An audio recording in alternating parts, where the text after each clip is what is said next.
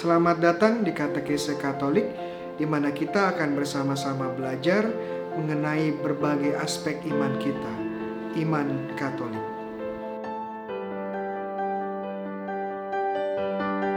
Shalom, teman-teman terkasih dalam Kristus. Saya Romo Bayu Ope. Selamat datang kembali di program Katekese Katolik yang dibawakan oleh Aquinas Center for Theology and Spirituality dan juga Faith Line. Pada seri katekese kali ini, kenaikan Tuhan Yesus ke surga. Hari raya kenaikan Tuhan ke surga ini sudah ada di depan mata dan ada baiknya kita lebih dalam untuk memahami peristiwa iman yang sangat penting ini. Kenaikan Tuhan kita Yesus Kristus merupakan sebuah ajaran dasar dari gereja Katolik yang tertulis dalam syahadat para rasul dan berdasarkan wahyu di kitab suci. Apa yang sebenarnya yang diajarkan kitab suci dan gereja mengenai dogma ini? Dan apa sebenarnya yang terjadi saat Yesus naik ke surga?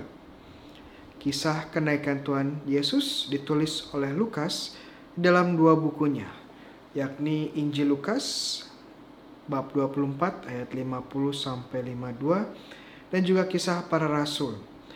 Bab pertama ayat 1 sampai 11.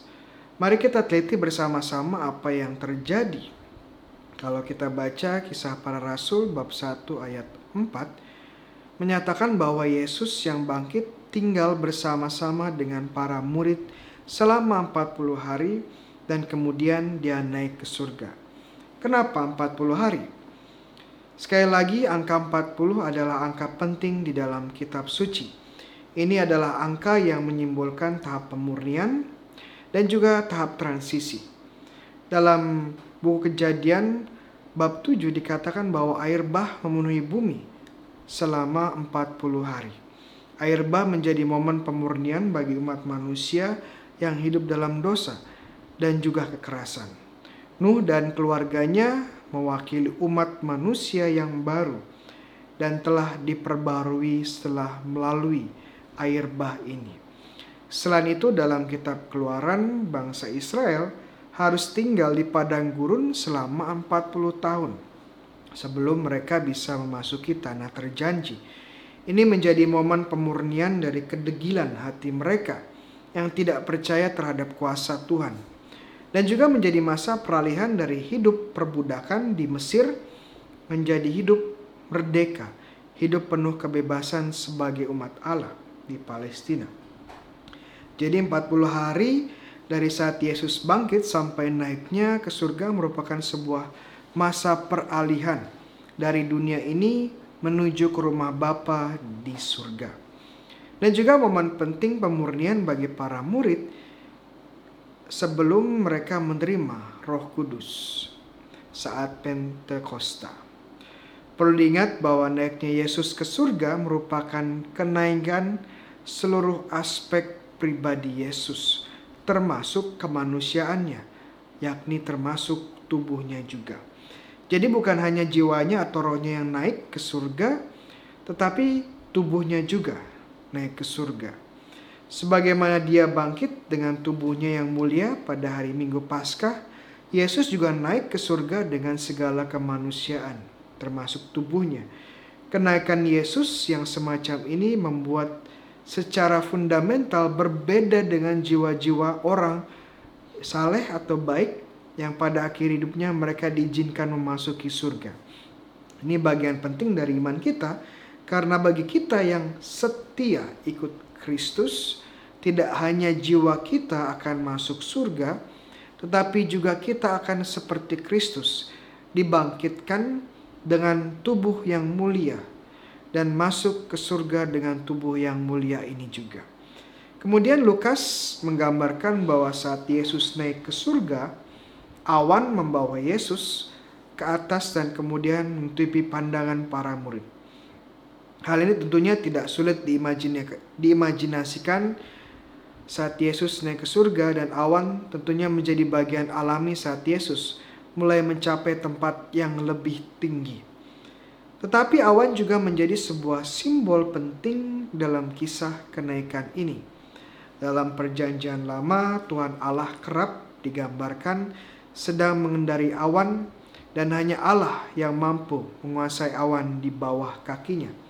Sebagai contoh Mazmur 68 ayat 4. Bernyanyilah bagi Allah, bermasmurlah, nama masmurkanlah namanya.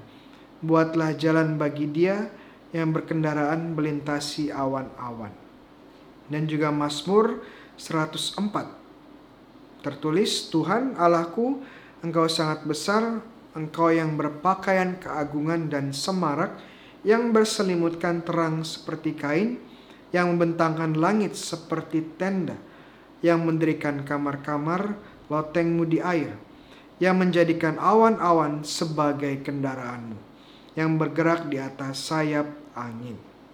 Ini ayat pertama dan ketiga, sampai tiga. Dengan menulis fakta bahwa Yesus naik ke surga diliputi oleh awan, Lukas ingin memberi sinyal kepada kita semua bahwa Yesus tidaklah berbeda dengan Allah yang mengendari awan dan angin di perjanjian lama. Yesus naik ke surga di atas awan menunjuk kodrat Yesus yang adalah ilahi. Dalam bahasa Inggris, kenakan Tuhan Yesus adalah ascension atau Jesus ascended into heaven. Kata ini menunjukkan pada realitas bahwa Yesus naik ke surga berdasarkan kekuatan yang berasal dari dalam dirinya sendiri, bukan karena pengaruh eksternal.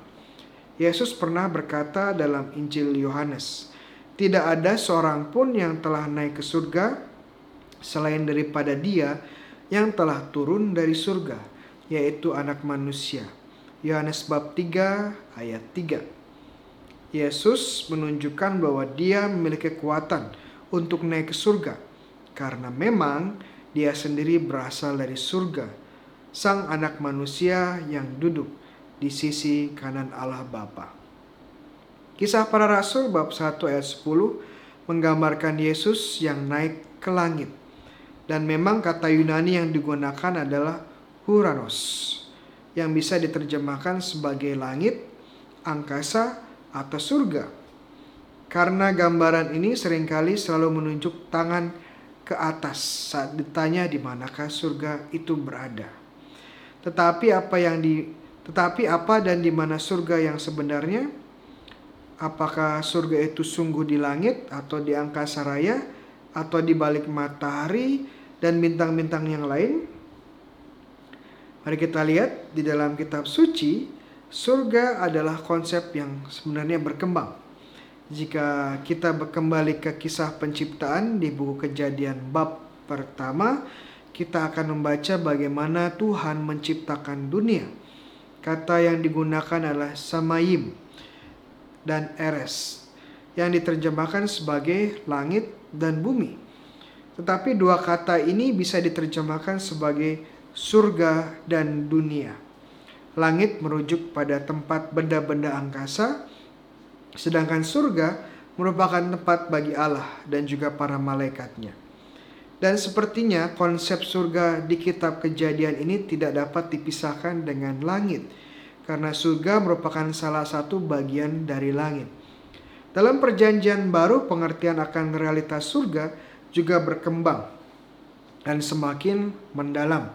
Surga tidak lagi dilihat sebagai tempat eksklusif bagi Tuhan dan para malaikatnya, tapi kini Yesus telah membuka pintu surga bagi jiwa-jiwa orang yang benar. Yesus sendiri menggambarkan surga sebagai Firdaus.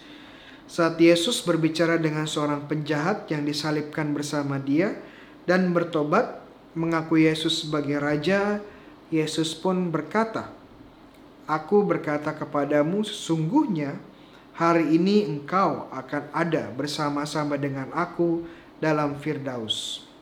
Injil Lukas bab 23 ayat 43. Kata Firdaus sendiri berasal dari bahasa Yunani paradaisos yang berarti taman. Dan taman ini merujuk pada taman pertama di kitab suci, Taman Eden.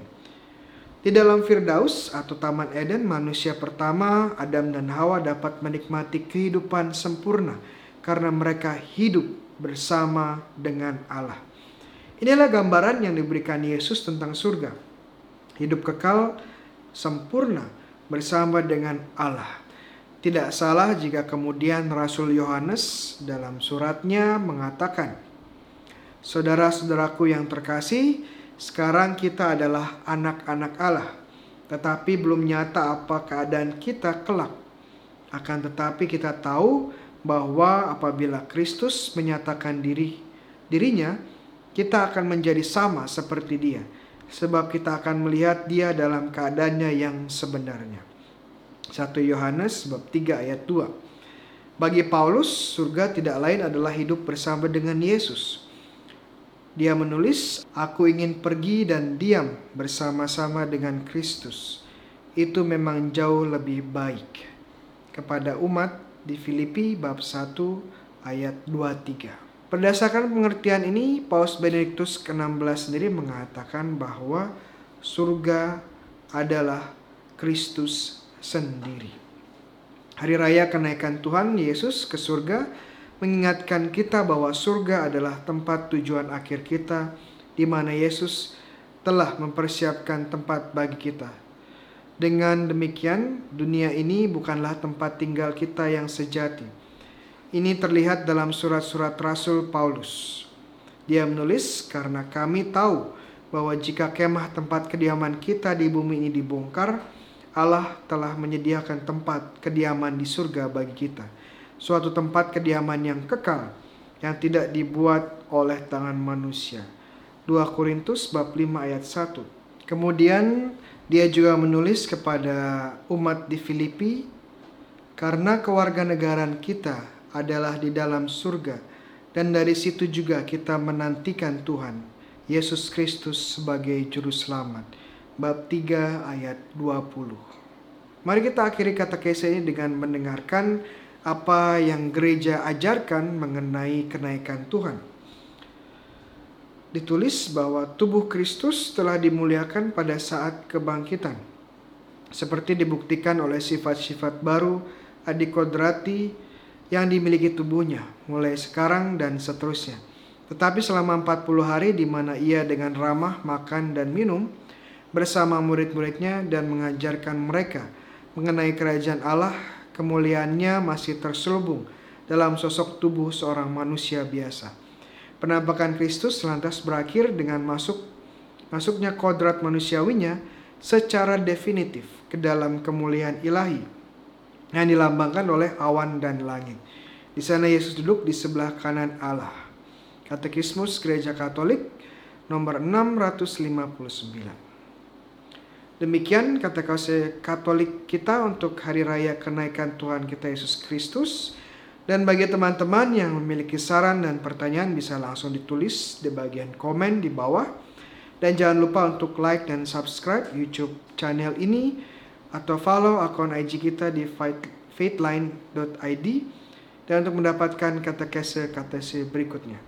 Dan jika teman-teman merasa kata kese ini bermanfaat, Jangan lupa untuk di-share. Tuhan sertamu. Semoga kita semua diberkati oleh Allah yang Maha Kuasa, Bapa, Putra, dan Roh Kudus. Amin.